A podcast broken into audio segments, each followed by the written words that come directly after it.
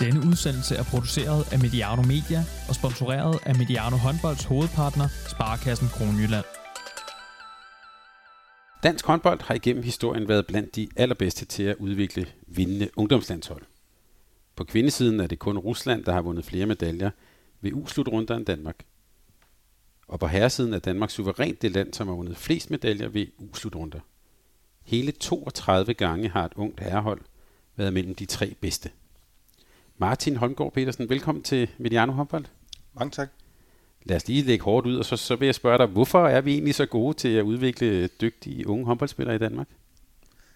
Jamen altså, jeg synes jo, det er et, øh, et yderst interessant, men også et meget komplekst spørgsmål. sådan først og fremmest. Og det, det, det skal jeg ikke sådan øh, bilde nogen ind, at jeg sådan kan svare på i, øh, med, med det speciale, jeg har lavet. Men øh, det giver sådan give et lille indblik i, øh, hvilken vej vi har gået, og hvorfor de her spillere måske øh, er, er udviklet til de internationale topspillere, som de er. Så øh, måske kan vi have det som en, en, en, en lille målsætning for vores samtale her, at vi bliver vi i hvert fald lidt klogere på. Det, ja. det er i hvert fald mit mål. Øh, fordi i denne her særlige udgave af vores serie om børne- og ungdomshåndbold, der skal vi høre lidt om vejen til A-landsholdet i dansk herrehåndbold. Øh, vi er gået en lille smule i Mediano Lab mode, kan man sige. For vi skal høre om den seneste talentforskning og vejen ind på dansk A-landshold. Og det sker i samarbejde med vores partner, Sparkassen Kronjylland. Og vi skal tale, som Martin var inde på, vi skal tale om hans speciale på Syddansk Universitet med den, nu læser jeg den lidt lange titel op her, Vejen til A-landsholdet i dansk herrehåndbold.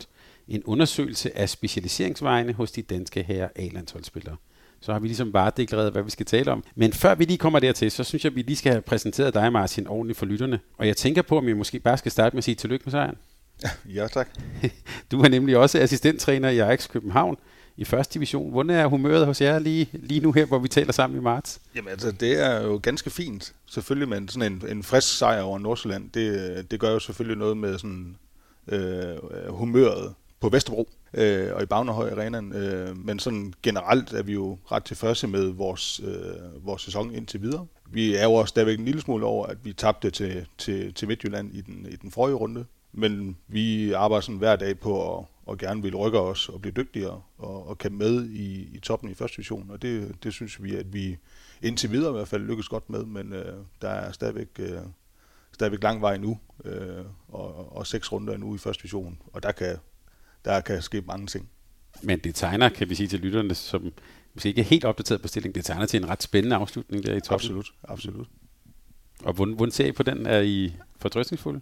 Ja, selvfølgelig er vi det, men, øh, men øh, nu er sæsonen jo også ved nu er vi jo øh, øh, nogle af dem, som er sådan ret privilegeret med at få lov til at, at spille håndbold øh, og have en hverdag, øh, hvor, vi, hvor vi træner, og, og sæsonen har været øh, hård og lang. Øh, der har været mange Øh, Øh, også for os øh, sådan lockdown-perioder, hvor vi så måtte vi spille, og så måtte vi ikke spille. Øh, og, og, og nu står vi sådan i en, en periode, hvor der sådan begynder at komme lidt skader, og, og, øh, og skal igennem den sidste periode her, ikke også? Øh, der venter stadigvæk nogle, nogle spændende kampe. Vi har næste kamp ude mod SUS, som uh, SUS Nyborg, som, ikke, uh, som heller ikke er nogen let opgave, selvom de ligger, hvor de gør. De har presset mange af topholdene. Uh, ja, så vi, uh, vi øh, satser på, at vi kan at vi kan få to point der også, og ja, stadigvæk at sådan bibeholde vores position i toppen. Og det slutspil, tror jeg, den øh, endelige kamp, det kan være, at vi vender tilbage til det på Mediano håndbold. Det, ja, ser, det, i hvert fald, det ser i hvert fald spændende ud. Men her skal vi lige tage øh, talentkasketten på, kan man sige. Du arbejder med talenter i Ajax København, men du er jo også øh, områdeleder i Øst i, i den danske øh, talenttræning, Dansk Håndboldforbund. Hvad, hvad er det for, en, for et job eller for, for et arbejde, du har der?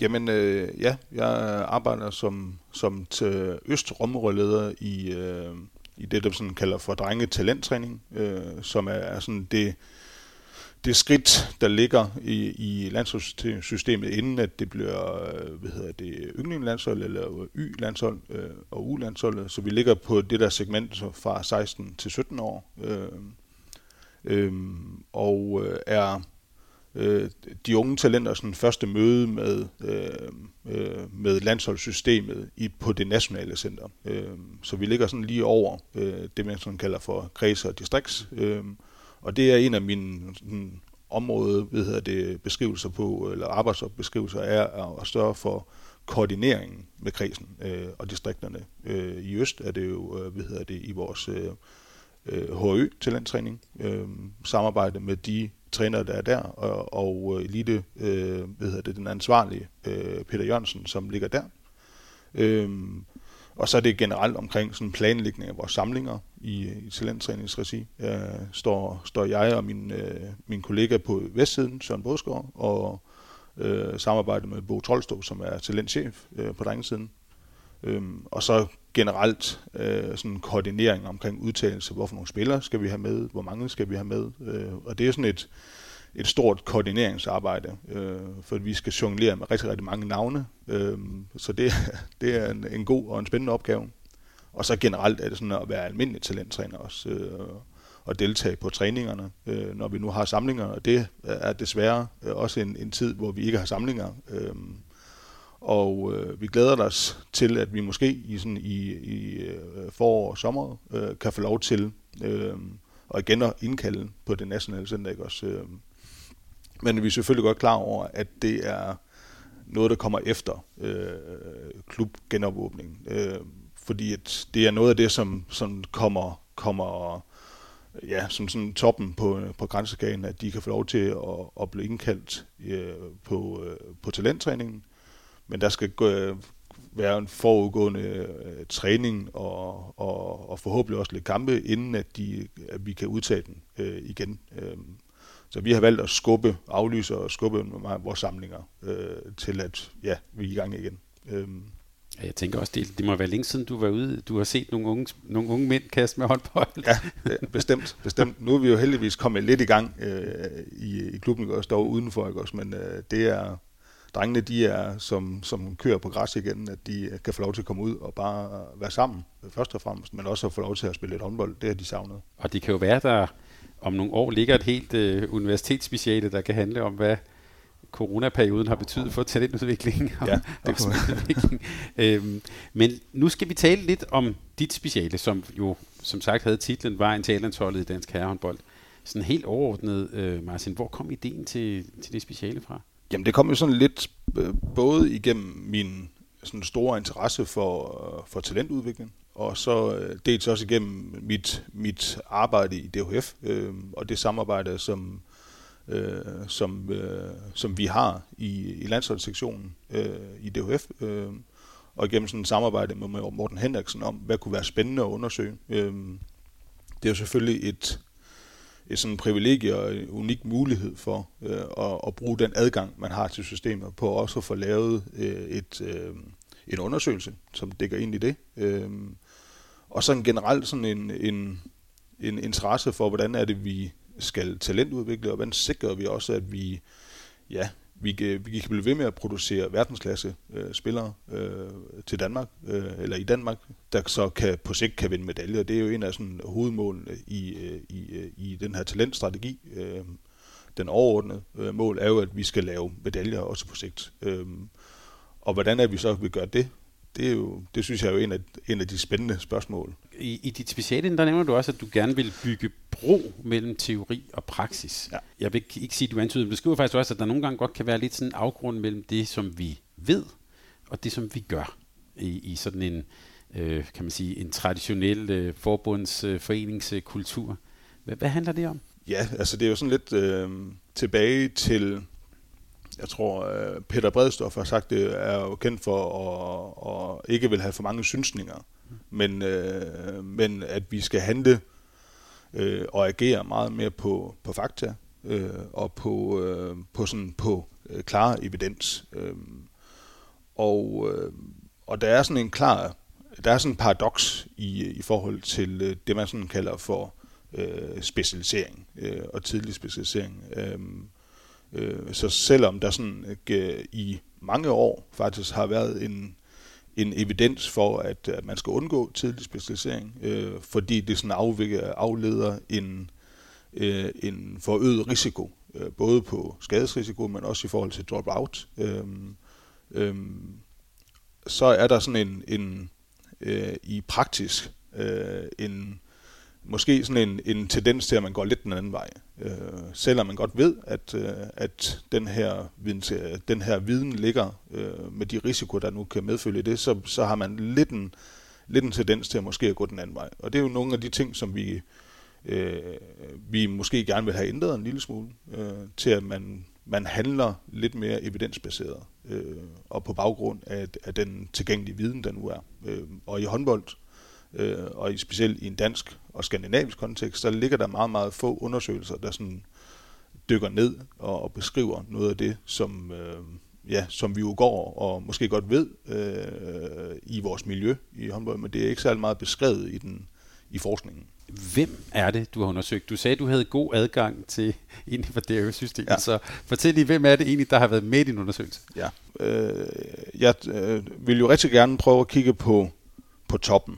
Øhm, og, og, og så kan man jo sige, jamen, ved, ved at kigge på, øh, på, på toppen, så udlykker man jo også nogen, der måske ikke var noget der. Øhm, og det er jo nogle gange sådan præmissen for, for, for sådan en undersøgelse, ikke? også er jo, at vi, at vi gerne vil kigge på, på de bedste spillere. Og jeg fik mulighed for forud for øh, EM-slutrunden øh, i 2020 øh, og få adgang til de her spillere på, på deres øh, samling. Øh, de var samlet ude på øh, Scandic, øh, ude i Sydhavnen. Øhm, og der fik jeg mulighed for at, sådan, at få sådan en ret unik adgang til de her spillere, og det får man ret sjældent i... Øh, øh, ja, nu er, det jo, nu er det jo bare et speciale afhandling, også, men det er sjældent, at, øh, at forskere generelt får, får sådan adgang til eliteudøvere, der er samlet på det her tidspunkt. Øhm, fordi det er sådan ligget op til deres forberedelse selvfølgelig til EM. Så det gik ikke særlig godt for dem. Øh, og det kan jeg da godt tage, tage lidt af, af skylden for, men øh, jeg ved ikke, om jeg får videre deres, øh, deres forberedelser der. Øhm, øhm, ja, og så var det jo de spillere, der sådan var øh, udtaget øh, på det tidspunkt. Øh, det var 28 mand, der var i en brutotrup på det tidspunkt, øh, forud for EM. Øhm, og det er sådan, ja, øh, det man sådan betragter som øh, internationale absolut topspillere. Øh, så det er jo derfor, det, det er spændende at, at se. Og, og 16 af de spillere, der var med i, øh, i, i min undersøgelse på det tidspunkt, spillede også ved, øh, ved øh, det, det foregående VM i Ægypten nu her, øh, hvor de blev verdensmester. Så det er øh, spændende spillere at kigge ind i. Så man kan sige, bare for at gøre en lang historie kort, det er simpelthen det danske A-landshold de, og de danske verdensmestre, så ja, lige præcis. Som, som, ja. som, som, som, er gået med i det her. Så det ja. kan man sige, du vil gerne tale med toppen af poppen, det fik du i hvert fald Det, det fik jeg mulighed for.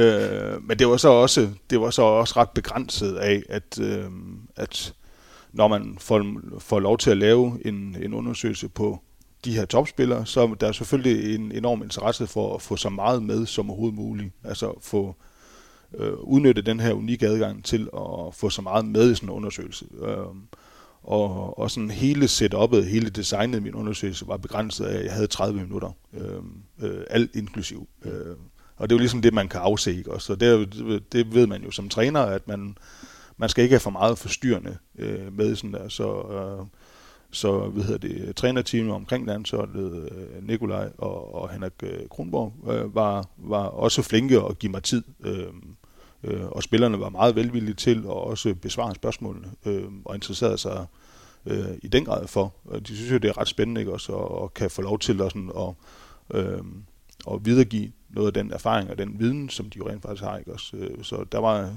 øh, oplevet en stor interesse fra spillernes side også, om at, at deltage i projektet. Jeg tænkte faktisk også, da jeg læste, at der er også der er både noget kvantitativt, altså hvor du kan man sige noget spørgeskema spørger dig, og du har også interviewet dem og talt med dem. Øh, jeg tænker også, øh, at jeg fik det indtryk i hvert fald, at de faktisk synes, det var meget sjovt. Altså det der med at fortælle om deres vej, og, øh, og, og måske også, at de er relativt bevidste om, hvordan de er kommet så langt. Ja. Ja, Jamen, de er jo meget reflektive over på, øh, jamen, hvad er det for nogle hvad er det for nogle valg, og hvad er det for nogle, øh, sådan nogle øh, ret sådan nogle nøglepunkter, der har gjort, at de har, at de netop har udviklet sig som håndboldspillere. Øh, jeg har spurgt øh, meget ind til de her sådan nogle, øh, sådan nogle transitioner, der sker igennem deres udvikling, øh, øh, i de her udviklingsveje.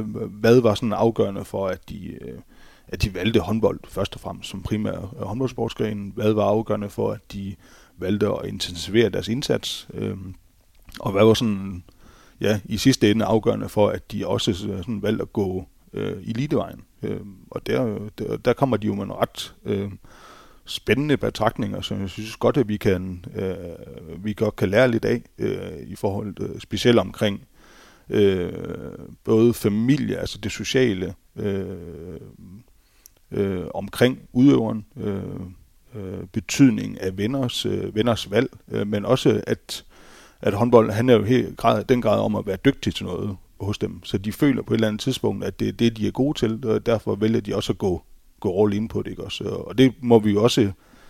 Øh, det vil jeg ikke sådan øh, kigge på, at det handler jo også om på et eller andet tidspunkt, at man skal intensivere. Øh, vi kommer ikke udenom, at øh, de her spillere har trænet rigtig, rigtig, rigtig meget, øh, og det er elite sport er ikke for alle sammen. Øh, så det vi må også se på, at de på et eller andet tidspunkt har, har virkelig intensiveret øh, deres indsats øh, og gået all in på træning. Havde de alle sammen, og det skal vi nok lige dykke tilbage til, hvor, med intensivering og alle de her begreber også, men, men nu bliver jeg bare nysgerrig, havde de alle sammen sådan en eller anden, et, et tidspunkt i deres liv, hvor de tænker, det er det, jeg er faktisk god til? øh, og, og derfor skal jeg intensivere min indsats. Øh, ja, det tror jeg og det, og det sker jo meget forskelligt på forskellige tidspunkter for den. Øh, fordi at, øh, jamen altså, øh, der er øh, 26 spillere med i undersøgelsen, og der er lige ved, der er 26 forskellige, øh, forskellige veje øh, og forskellige tidspunkter, hvor at øh, nogen ja, vælger jo ret tidligt at gå i håndbold, og vælger også ret tidligt at, og sådan intensivere deres indsats. Øh, øh, hvor at, ja, der er nogle af dem, der for det første starter meget sent til håndbold, øh, øh, men også dermed ikke også øh, intensiverer og, og, og går sådan all in på deres træningsindsats øh, meget sent i deres øh, karriere. Øh, så det er, det er nogle spændende, det er nogle spændende tal. Og nogle af de pointer, dem skal vi høre om nu. Og jeg kan sige til lytterne, at der er meget guf at hente her.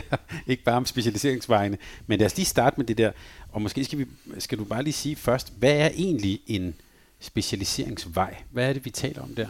Altså, vi, øh, man snakker sådan, sådan klassisk i, øh, i sådan forskningsområdet. Øh, har man taget noget af det, der har været mest øh, styrende, det er øh, en, en, en forsker, øh, Jean Coté, som i ja, nærmest 20 år siden lavede et, en, en model, der sådan karakteriserede de sådan klassiske veje, der, der findes i sådan sportsudvikling, eller personlig udvikling gennem sport, kan man sige. og lave sådan en udviklingsmodel, en DMSP, som, som viser tre klassiske veje. Og der er der så øh, modpolerne, eller den ene, den ene modpol er jo så det, det, man kalder for tidlig specialisering, som indeholder sådan meget målrettet træning, øh, øh, og dermed også øh, meget lidt selvorganiseret træning. Øh, så den målrettede træning er det, vi sådan kalder for deliberate øh, practice, øhm, øhm, og øh, på den modsatte selvorganiserede træning er det, man kalder for deliberate, deliberate play. play. Mm. Og der er sådan ret tidligt fokus kun på én sport. Altså udelukkelse af andre sportsgrene inden, inden det, det 13. år, øh, kan man så sige det. Og det kan jo øh, i nogle sportsgrene øh, lede til en elitepræstation. Øh, altså man går tidligt i en sportsgren, og man øh, elite intensiverer sin indsats øh, øh, tidligt. Øh, men der er også sådan en, en større risiko for, at man får øh, fysiske problemer øh, men også at man får øh, mindre motivation og dermed øger risikoen for at droppe ud af sporten. Øh, på den anden side, modpolen til det, det er så den her sådan, måske lidt mere klassiske motionistvej, øh, hvor man sådan, ja, samler, øh, afprøver mange sportsgrene. Øh, øh, der er meget, meget lidt målrettet træning. Det har måske sådan en højere grad af sådan øh, selvorganiseret, lejende tilgang, også til at man bare ja, måske shuffler lidt rundt, sådan øh, klassisk, ikke også? Øh, og der er sådan meget fokus på, at det skal være sjovt, og det skal være sådan for ens egen øh, sundheds skyld. Øh, og det er meget, meget lidt sandsynligt, at det ender i en, i en elite øh, sådan præstation på et eller andet tidspunkt. Øh, men det er jo i hvert fald en, en vej, som vi ser øh, mange går, og man også øh, sådan bibeholder øh, deltagelsen i sport over en, i, over en lang årrække. Øh, og så er der så den, den klassiske mellemvej i, i den her klassiske model, det er jo, at, at, ja, at man igennem måske en lidt senere øh, specialisering øh, både samler andre øh, forskellige sportsgrene, altså afprøver øh, sportsgrene, inden man vælger en primær sportsgren. Øh, og så på et eller andet tidspunkt selvfølgelig intensivere, fordi at det også handler om, at vi skal opnå den her elitepræstation. Og det er sådan den klassiske, øh, hvad hedder det, øh, specialiseringsteori. Øh, og jeg har så kigget på sådan en lidt mere udvidet øh, model. Øh, man lavede øh, i øh, 2015 øh, den seneste, øh, hvad hedder det, en svensk forskergruppe, øh, der undersøgte øh, en stor gruppe svenske eliteatleter, og sammenholdt med det studie, som, øh, som Louise, øh, Louise Kamuk øh, også har, har, har deltaget i, eller lavet på, på danske atleter, øh, kigge på, at, at den her klassiske model måske skulle udvides en lille smule øh, i forhold til en skandinavisk kontekst. Øh, og den indeholder, indeholder så, øh, kom til at indeholde sådan fem klassiske veje, hvor at, øh, øh, ja, altså sådan, øh, øh, man, man indførte nogle lidt flere begreber i, i de klassiske øh, specialiseringsveje, hvor man sådan begyndte at kigge lidt mere måske på, på tidlig engagement, øh, øh, godt kunne tages ind, øh, så man, ja, i stedet for de her klassiske og meget øh, stereotype tre veje, måske fik en lidt mere øh, øh, divers tilgang til, at man godt kunne udvikle sig af forskellige veje. Øh, ja. Så, så den, hvis vi tager den klassiske model, bare, jeg vil godt have taget et par billeder på, ja. så kan man sige, at den ene ende har du det her, hvor det, der tænker jeg på sådan noget øh, kunstskøjteløb, øh, balletbørn, ja. Ja. Øh, øh, altså hvor man meget, meget hurtigt, og hvor det også meget hurtigt handler om at, altså, øh, at skille folk fra, og, mm. og, og se, hvem er det en, der kan blive til noget. Jeg fik sådan et billede af 100 rumænske børn, hvor så en af dem kommer til OL, ikke? Ja. øhm, og på den anden side har du det der, øh, måske lidt det der gammeldags lidt ideal for dansk øh, idræt, fodbold, at vi leger lidt nede i gården, og hele det der gård og vej fodbold ja, og sådan noget. Og ja. så kan det godt være, at der er en af jer, der på et tidspunkt bliver dygtig. Ja, det. Ja.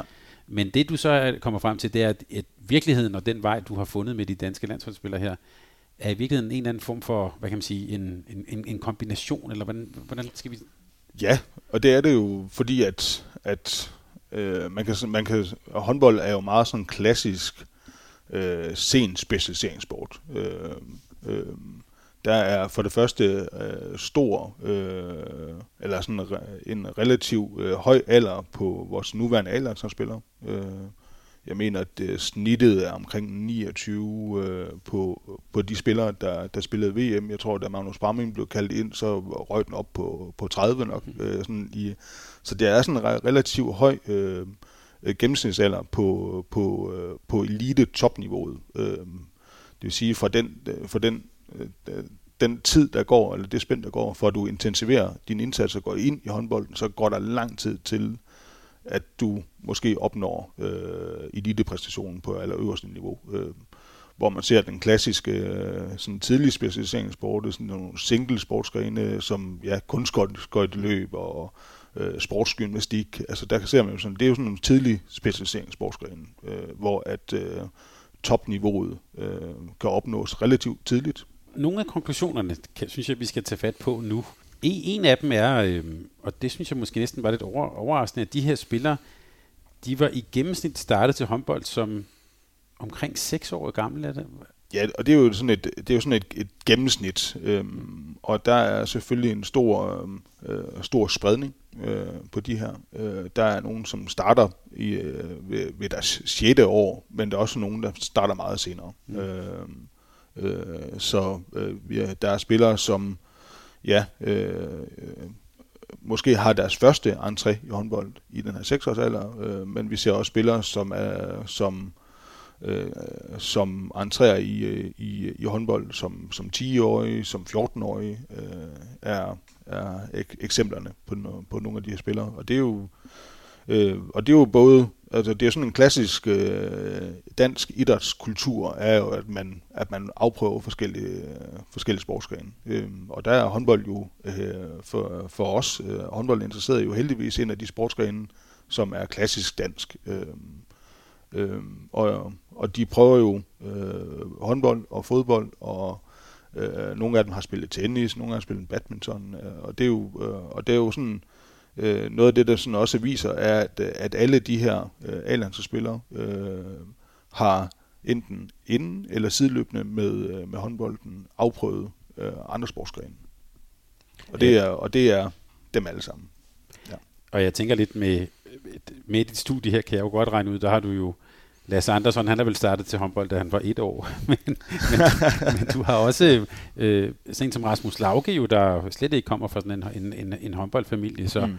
så, så, så det der med, at der er mange forskellige veje ind, er, er måske også det som det her gennemsnitstal på seks år. Øh, ja. Nogle kommer fra sådan en udpræget sådan håndboldkultur, og andre ja, øh, kommer lidt sent ind i det. Ja. Men det er altså, noget af det, du kommer frem til, det er, at 88,5 procent af dem har dyrket en eller flere sportsgrene ved siden af håndbold, da de var 11, i 11-14 års alderen. Ja. Det, er, det er mange, synes jeg. Absolut. Øh, og det er også noget, der, der er sådan overrasker, eller i hvert fald sådan, er nogle af de ting, som, vi, øh, som jeg synes, at vi skal tage med videre, øh, er, at, at den her, øh, lad mig sige sådan, de, de, øh, de, tidlige ungdomsår, kan man jo godt øh, kalde den her 11-14 års alderen, ikke? Også, hvor de begynder at blive ungdomsspillere. Øh, de, øh, de er ikke længere bare børne- og håndboldspillere, ikke? Også, men øh, de er stadigvæk ungdomsspillere, øh, de vil gå over og blive ungdomsspillere. Øh, og det her valg imellem øh, sport, øh, sportsgrene øh, på det her tidspunkt, ikke? Også, øh, viser jo faktisk i det her øh, studie, at der kan man godt øh, afvente en lille smule. Det er ikke nødvendigvis... Øh, valget øh, om en sportsgren i den, øh, i den aldersgruppe, der, der afgør, om du når hele vejen. Øh, det viser de her landsholdsspillere i hvert fald, at, at, øh, at ja, øh, 88 procent af dem har, har dyrket øh, en eller flere sportsgrene sideløbende med, at de, øh, at de spiller håndbold. Øh, og så har de selvfølgelig øh, senere ikke også valgt håndbold til som primær sportsgren, øh, og intensiveret deres, øh, deres indsats øh, øh, altså det, sådan primært udelukkelse af andre sportsgrene, altså specialiseringen sker i, i, i for dem i sådan et snit øh, 14,6 år. Mm. Øhm, og så den her elitesatsning. Øhm, og det er selvfølgelig nogle parametre, der sådan går ud fra,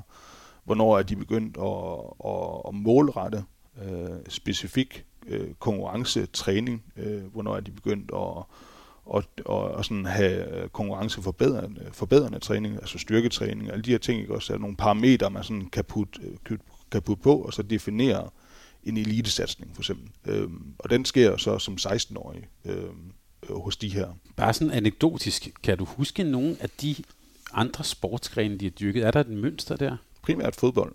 Øh, men også alt muligt, alt muligt sjove sportsgrene, mm. som jeg ikke, øh, jo altså, øh, men det er jo, altså der er mange af dem, de er jo, så er det, så er det jo, øh, de øh, gør meget ud af at spille bordtennis til, øh, ja, det har vi set. til slutrunden, ikke også? Og der er jo faktisk nogle af dem, der har gået til. Øh, Ej, det er jo snyd jo. så der er en konkurrencefordel. Øh. Jeg, jeg tænker også, hvis, øh, det kan godt være, det bliver lidt kringende spørgsmål, men hvis du ser på det med dine øh, sådan talenttrænerbriller, var der nogen spor, øh, sportsgren, du kunne tænke dig, de havde gået til? Altså det, jeg sidder og fedter lidt efter, det er sådan, kunne det være fedt, hvis nogen af dem gik til gymnastik for eksempel, altså til ja, motorikken, ja, ja, eller ja. er der nogen sådan sportsgren, som vil være mere velegnet at have som sådan nummer to, tre sportsgren? I hvert fald for den sådan motoriske og fysiske basis er det jo er gymnastik jo oplagt, og, og det er der også øh, det er der også en udpræget øh, mange af dem der har der har gået til i, i deres tidlige år. Øh, Øh, og man kunne også godt tænke sig, at sådan noget som, øh, som øh, basketball for eksempel kunne være en, øh, en supplerende sportsgren i håndbold. Øh, det ser man så knap så meget hos de her, men, øh, og det er måske også et, et spørgsmål om tilgængelighed, øh, mhm. der hvor de spillere nu engang kommer fra. Øh, og om der lige præcis har været et basketball-tilbud. Øh, så det er jo kunne være spændende øh, at kigge ind i sådan i, i måske hvis man ser på, øh, på et samme undersøgelse om 15-20 år, hvad er det så for nogle sportsgrene, øh, og, og hvilken vej de så har gået, de her spillere, ikke også? Øh. Ja, jeg tænker også med fodbold, er der jo det der med at orientere sig i rummet, og ja, jo, jo, man altså, kan også sådan sige, altså vi taler jo i håndbold om vurderingsspil, men ja. det der med at sige, er du fri, eller er du ikke fri? Det er præcis, det er præcis. Og det er, jo, det er jo noget af det, som øh, vi jo i håndbold gerne vil have. Altså det, håndbold er en, en meget kompleks sportsgren. Øh, det er det handler om lige præcis om, øh, om, om både tid og rumfornemmelse, øh, og sådan atletiske færdigheder, ikke også? Og det øh, kan man jo i den grad få øh, ved at, at, at blive stimuleret igennem andre sportsgrene. Fodbold er jo, er jo sådan primært en, ja, altså uden jeg sådan skal gøre mig klog på det, men altså der, der ligger jo også noget, noget, nogle, øh, nogle mønstre og nogle løbebevægelser, ikke, også, som, som vi i den grad godt kan tage over øh, og bruge. Øh, og vi ser jo også ser jo også eksempler på, at, øh, at, at dygtige fodboldspillere også er dygtige omløbsspillere, og, og den anden vej rundt. Øh, så det er jo også, det er jo også nogle, nogle ting, også, som vi jo i den sådan danske idrætskultur øh, er gode til at have sådan et, et, et, et, et samspil øh, af spillere, der godt kan være. Øh, har selv spillet i, på hold i sin tid med øh, en spiller, som rent faktisk var på, det, på spillet første division fodbold og første divisions øh, håndbold på samme tid. Øh, så det var jo øh, så det er jo sådan nogle ting, også, som jo er den kultur, vi er i Danmark, øh, vi godt kan skabe. Øh, det gælder jo også for de to landstrænere, Nikolaj Ervsten og Kronborg. Kronborg har også gjort det øh, ja. og spillet divisionsfodbold. Øh, det her med, at de så øh, specialiserer sig som 14,6-årige, og så går de så ind i sådan en elitesatsning, når de er 16,3. Jeg tænker også, øh, altså er der ikke også den lidt, kan man sige, relativt enkle strukturelle øh, forklaring, at det er så også der, at sådan en som dig kommer på banen. Altså, det er der, hvor man bliver indkaldt til noget Absolut. Øh, træning Absolut. og sådan noget. Ja.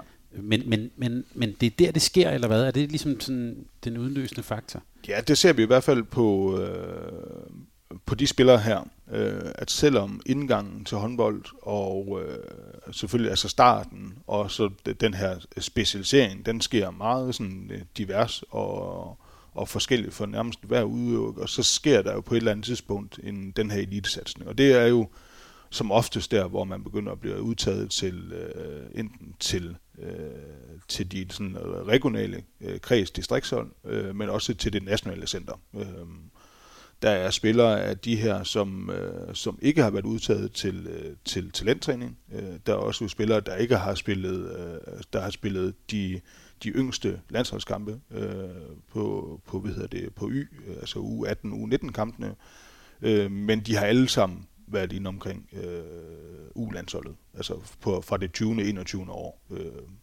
øh, og der kan man jo sige, at det er jo også en, en, en væsentlig udviklingsfaktor for, at vi kan udvikle øh, landsholdsspillere, der også har øh, den erfaring øh, og viden, der skal til for at begå sig på det niveau, er jo også, at de stifter bekendtskab med, med landsholdssystemet øh, på et tidspunkt. Så de vil jo selvfølgelig komme ind øh, på et eller andet tidspunkt. Øh. Men for mit arbejde, så er det jo så er det jo vigtigt at have for øje, at, øh, at vi ikke øh, bare kan pege øh, den enkelte øh, kommende landsholdsspiller ud i vores øh, talenttræning. Det kan sagtens være ham, vi ikke har udtaget til talenttræning, der bliver landsholdsspiller. Øh, øh, og derfor er det vigtigt også, at vi åbner, og det har været den generelle øh, approach til øh, vores, øh, vores talenttræning, er, at vi har så åben en dør som overhovedet muligt. Øh, vi prøver i den grad på at have så mange spillere inde som overhovedet muligt, og prøver sådan at og, ja, øh, afdække øh, så mange spillere i vores, øh, i vores talenttræningssystem. Øh, man prøver også, strategien er også at prøve at få så mange ud og spille øh, Y-kampe som overhovedet muligt. Øh, og, og det, det synes jeg, at vi lykkes med. Nu har vi lidt udfordret af sådan en, en lockdown, øh, eller hvad hedder en corona-situation øh, nuværende, ikke? Også, som, som jo udfordrer vores, øh, vores antal, i øh, specielt omkring øh, årgang 03, 04, øh, har, været, har vi i hvert fald haft nogle øh, udfordringer med i vores system, øh, og det forsøger vi på at komme lidt, lidt efter i den næste periode. Så man kan sige, fra, fra 16 til 20, det er så der år, det er så mm. der, der virkelig sker noget. Øhm, og, og, og, og vi kan så også sige, at dem, der er... Altså alle har været med til en eller anden form for talenttræning, men det er langt fra alle, der har spillet y Men de har så alle sammen spillet U-kampe. Ja. Det her med, at de i 11-14 års alderen, øh, at næsten dem alle sammen, i hvert fald en stor del af dem, har dyrket en eller flere sportsgrene. Det kan man sige, det er jo en, øh, hvis vi skal tale sådan i, i sådan en forskningsverden, det er, kan man sige, det er, jo en, det er jo det beskrivende, det er det deskriptive, det er det, du har fundet ud af. Men kan man også slutte derfra til, at det er så sådan, det skal være, altså til det normative? Nej, altså det, det, det synes jeg jo ikke. Altså, øh, vi er jo nødt til at agere i den, øh, i den virkelighed og den øh, kon- kontekst, vi nu engang øh, er i. Øh, så vi kan ikke bare sige, at øh, jamen, ved at vi har en spiller, som dyrker så mange forskellige sportsgrene, så har han en større sandsynlighed for at, at blive A-landsholdsspiller. Det kan vi ikke, øh, det kan vi ikke slutte af noget af det her. Øh, der er det meget mere komplekst og meget mere, øh, ja, øh, miljø øh, specifikt omkring øh, udøveren. Hvad er det for et mikro- og makromiljø, som, som spiller ind for den enkelte spiller? Og der er jo, der er jo mange flere sådan elementer af, af den her udviklings, øh, udviklingsvej. Øh, men vi kan i hvert fald sige, at det er ikke, øh, det er ikke en begrænsende faktor kan vi sige. At, så man kan, kan godt gøre sit, øh, sit, øh, sit barn øh, den tjeneste, og, og lade,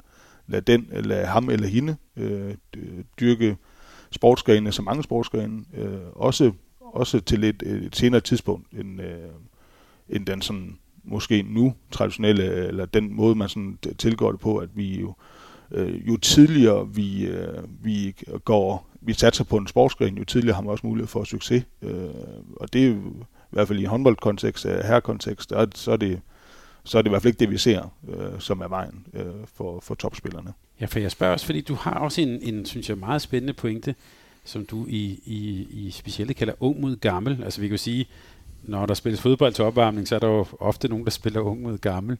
Øh, men du nævner det her, at det er, at der også kan være forskel på ung og gammel i den her trup, du har set på, øh, når vi ser på de her specialiseringsveje. Øhm, og, og du peger lidt på, at der måske kan være lidt forskel på den ældre del af dem og de yngre, altså dem, der er på vej ind på landsholdet ja. nu. Hvad, handler det om?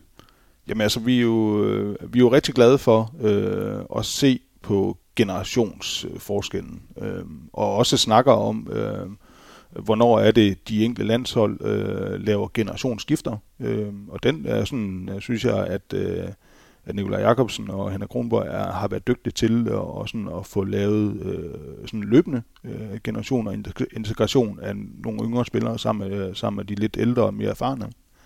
Øhm, og, og ser man på, øh, på de spillere, som jeg undersøgte, så er der faktisk sådan en, en, en så var der sådan en, en dejlig ligedeling mellem ung og gammel. Man kunne sådan skære dem på, det, på de spillere, som var under, under 30, og de spillere, der var over 30. Og vi har jo en, en, en ret stor øh, del af vores, øh, vores nuværende landshold, som er over 30, ikke også, øh, og har spillet øh, på internationalt topniveau i mange år. Øhm, og ja, det kunne være spændende at kigge på, hvad er det så for en... Øh, øh, en forskel på der, på der for dem, fordi at de yngre, yngre spillere må jo afspejle øh, et lidt mere sådan nutidig øh, hvad hedder det, kultur, og den, som vi måske ser ind i nu, øh, hvor de gamle ja, er jo nogle spillere, som, øh, som, som øh, er udviklet af en ja, af nogle udviklingsveje, som var tilgængelige for øh, 20 år siden.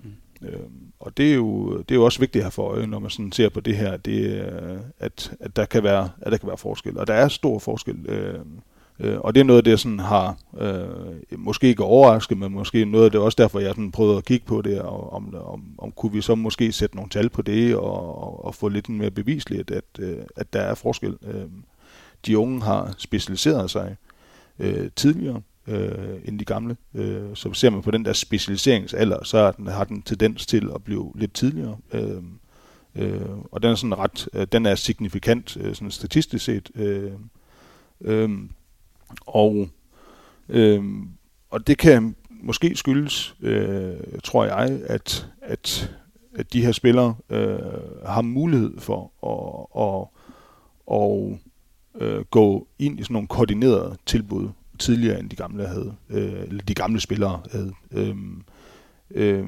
så sådan øh, omkring øh, eller 53 procent af de unge har modtaget koordineret tilbud i, øh, i grundskolen, øhm, hvor kun 9% af de gamle har, har modtaget det. Og det er jo et spørgsmål om, om det overhovedet var tilgængeligt, da den ældre øh, generation øh, på A-landsholdet var i den alder, hvor det var muligt at, at, at modtage det. Øhm, og, øhm, og hvis man sådan kigger lidt videre i deres, øh, i deres øh, uddannelsesforløb, så har 60% af de unge gået på efterskole. Øh, øh, 80% cirka af, af dem øh, var det en håndboldspecialiseret efterskole. Øh, så sådan nogle klassiske, klassiske steder som Ore, ikke, også er jo et, mm. øh, et sted, hvor at mange af de her spillere har været rundt omkring.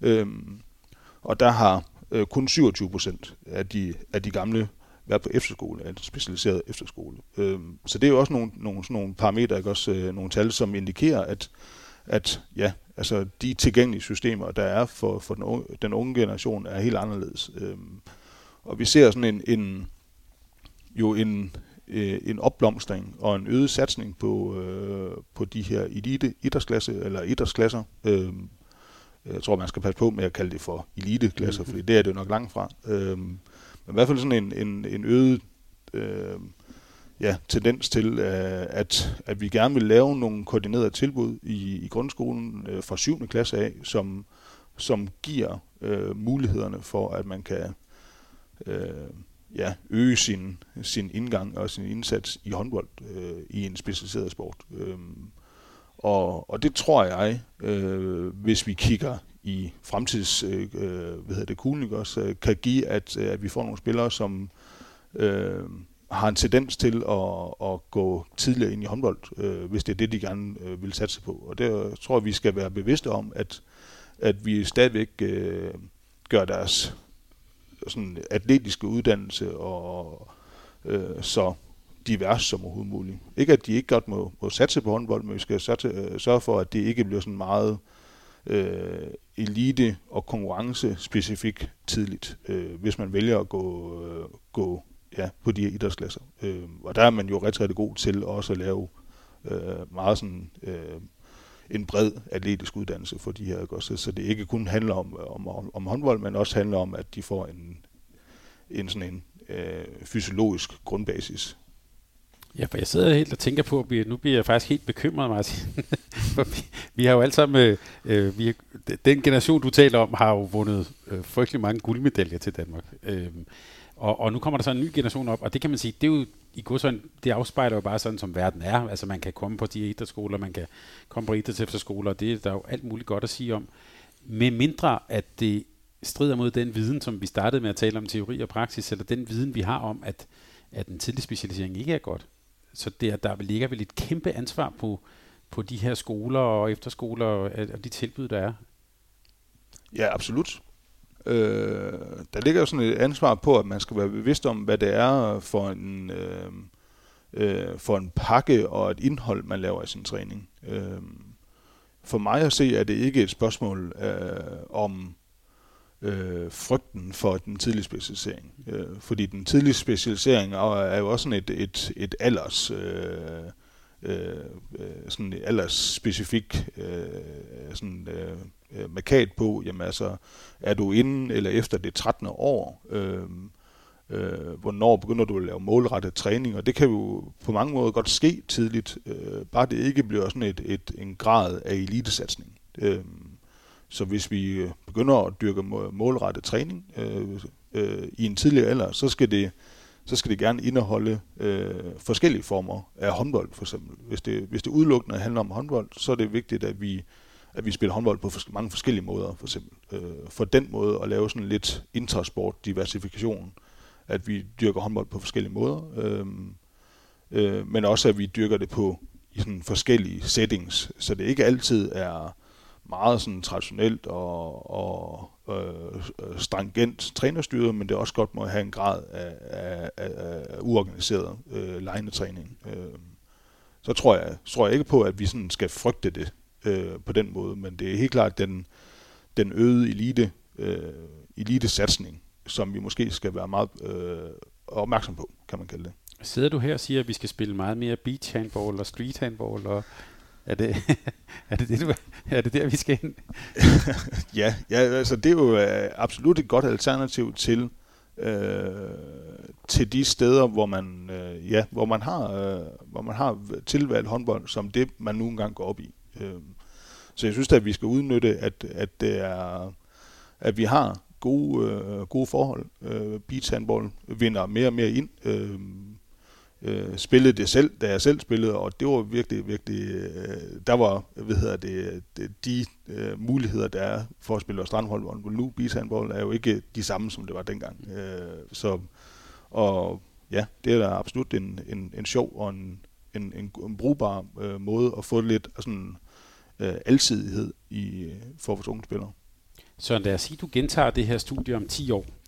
Det er et tankeeksperiment så kommer vi til at se nogen, der måske er, hvor specialiseringen er startet tidligt, men hvor de måske har stiftet bekendtskab som alle mulige andre forskellige træningsmetoder, som, eller måder at gå til det på, som ikke er øh, 20 gange 40, vi spiller 7 mod 7. Ja, det kunne man håbe. Mm. Ja. Øh, og jeg tror, der, og tror håber der på, at vi stadigvæk vil fastholde, fordi vi jo også, øh, øh, at vi også er, er i, øh, i en dansk kultur, hvor at øh, hvor at den der sådan foreningsidræts øh, stadigvæk er, er, er, sådan, hvad hedder det, er stærk. Øh, vi skal stadigvæk have sendt vores øh, unge, øh, hvad hedder det, unge børn øh, igennem gymnastik for eksempel, ikke? også og sådan den, den brede, alsidige øh, sportslige udvikling øh, skal vi stadigvæk øh, have fokus på. Øh, og så ser man jo stadigvæk, at der er, øh, der er klubber, er, klubber er virkelig gode til øh, at lave øh, god børnehåndbold.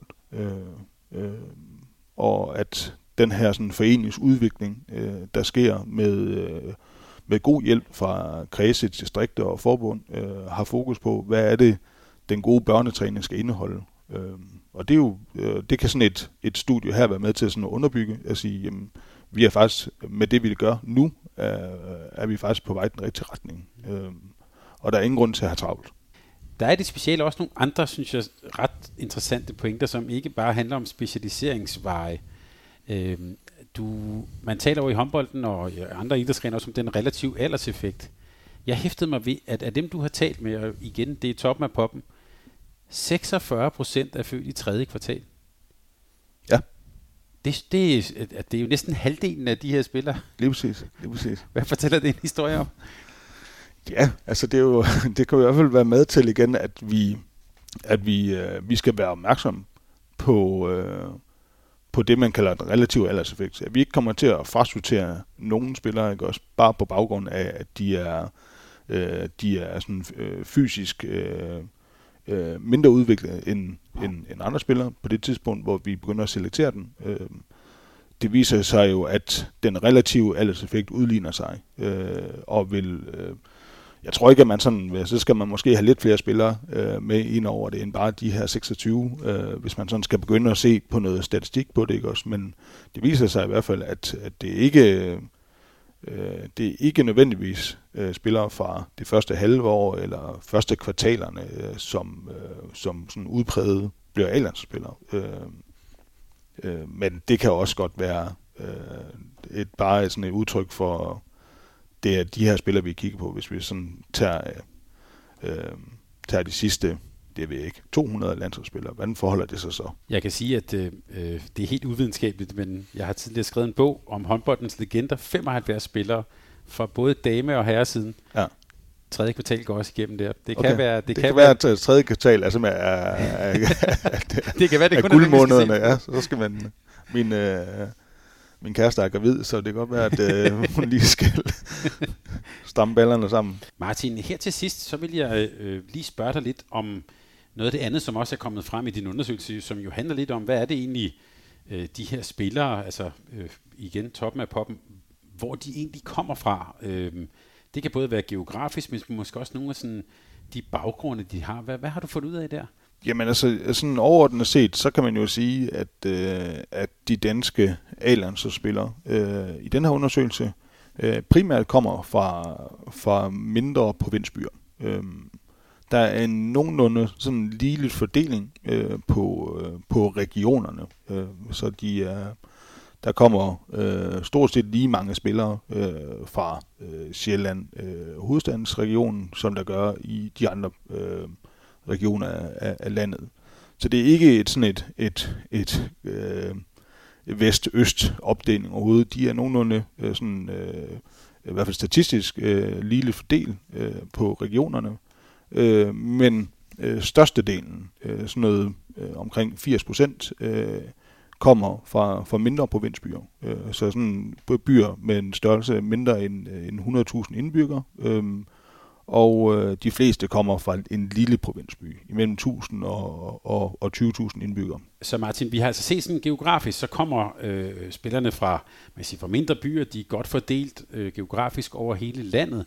Øh, man kunne godt sidde med sådan en mistanke om, at, at, at det du har undersøgt her, det er også det her billede på den danske sådan, øh, foreningskultur. Altså det er, det er øh, øh drenge, der er vokset op i handen, og med familier, der måske også har været sådan sportsinteresserede. Er det også det billede, du har, du har fået, når du har, har, har talt med dem? Ja, det er det, det, er det helt klart. Øh, både det, det tallene viser, altså det de har responderet, men også det de sådan øh, har øh, kommenteret øh, på, hvad der har, sådan, har været vigtigt for, at de er, har valgt håndbold og udviklet sig igennem håndbold, har jo i den grad også øh, har øh, sådan omhandlet familiestøtte. Øh, øh, familien er vigtig for, at de har valgt, først og fremmest. De er øh, en, en, en procentdel, en stor procentdel af dem har måske haft deres øh, egne øh, forældre øh, som træner på et eller andet tidspunkt. Øh, har vægt, øh, de har måske selv dyrket, øh, dyrket håndbold.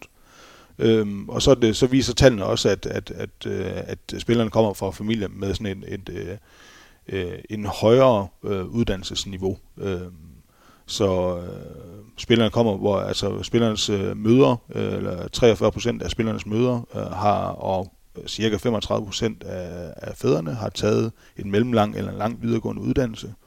Øh, så det er også spillere, som måske har haft øh, de økonomiske muligheder for at være en, øh, en sport og blive støttet øh, på den rigtige måde. Og det er også noget af det, man ser som, som afgørende faktor for, at det er, øh, hvad, har, hvad har forældrene muligheder for øh, i øh, at give jer støtte, både ja, både sådan øh, emotionel, øh, men også mental og økonomisk støtte i, i det her. Det, det har stor betydning for, hvis man ser øh, sådan bredere øh, på, på idrætsudøvere, øh, det er jo, at deres forældre spiller en stor rolle. Øh, øh, og, og det kunne måske være en af de, øh, de udfordringer, som vi står med i Dansk Håndboldforbund. Øh, det er jo, hvordan, øh, hvordan får vi også skabt mulighederne for de spillere, som, som ikke nødvendigvis har den familiære baggrund og den støtte, der skal til. Øh, øh, hvordan får vi skabt nogle, nogle veje øh, og nogle tilbud øh, til de spillere, som måske kommer fra lidt øh, andre kår, øh, måske også en anden etnicitet, øh, som man ser øh,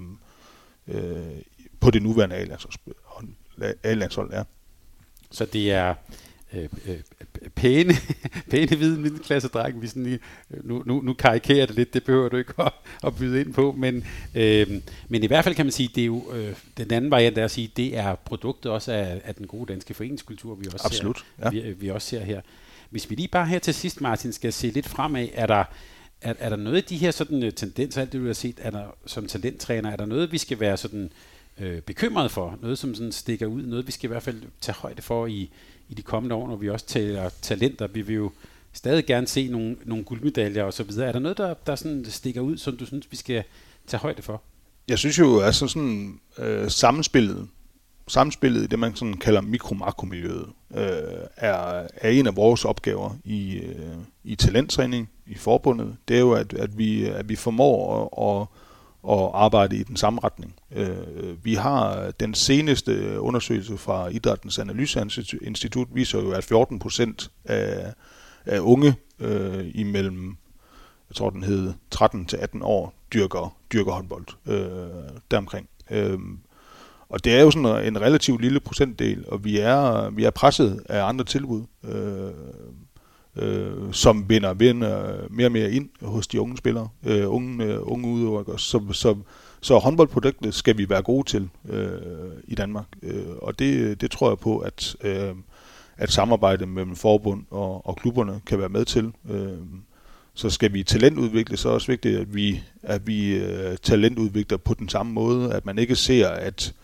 ja, trænere og forældre bare kører deres eget løb ud af en eller anden, øh, en eller anden sådan tidlig tangent og vil opnå tidlig succes. Uh, vi må for den grad sådan undgå øh, det, man sådan kalder for seniormekanismer ned i ungdomshåndbold. Uh, for den del er der seniorhold og hvad hedder det, ja, senior eliteprogrammer, der er rigtig, rigtig dygtige til. Øhm, og det, det er jo ret bevist. Vi har en rigtig, rigtig stærk øh, liga herhjemme med, med klubber, som gør det virkelig, virkelig godt. Øh, stærke organisationer, som er, som er gode til talentudvikling, når man når på det niveau. Øh, så er det vigtigt, at vi ikke ser de samme øh, tiltag øh, tidligere og tidligere ned i ungdomsklubberne. Øh, selvfølgelig skal man også være dygtig til at, at, at udvikle spillere, der kan nå det niveau, øh, når man snakker øh, ungdomshåndbold, men vi skal passe på med den, ja, den tidlige den alt for tidlige specialisering og den alt for tidlige elitesatsning.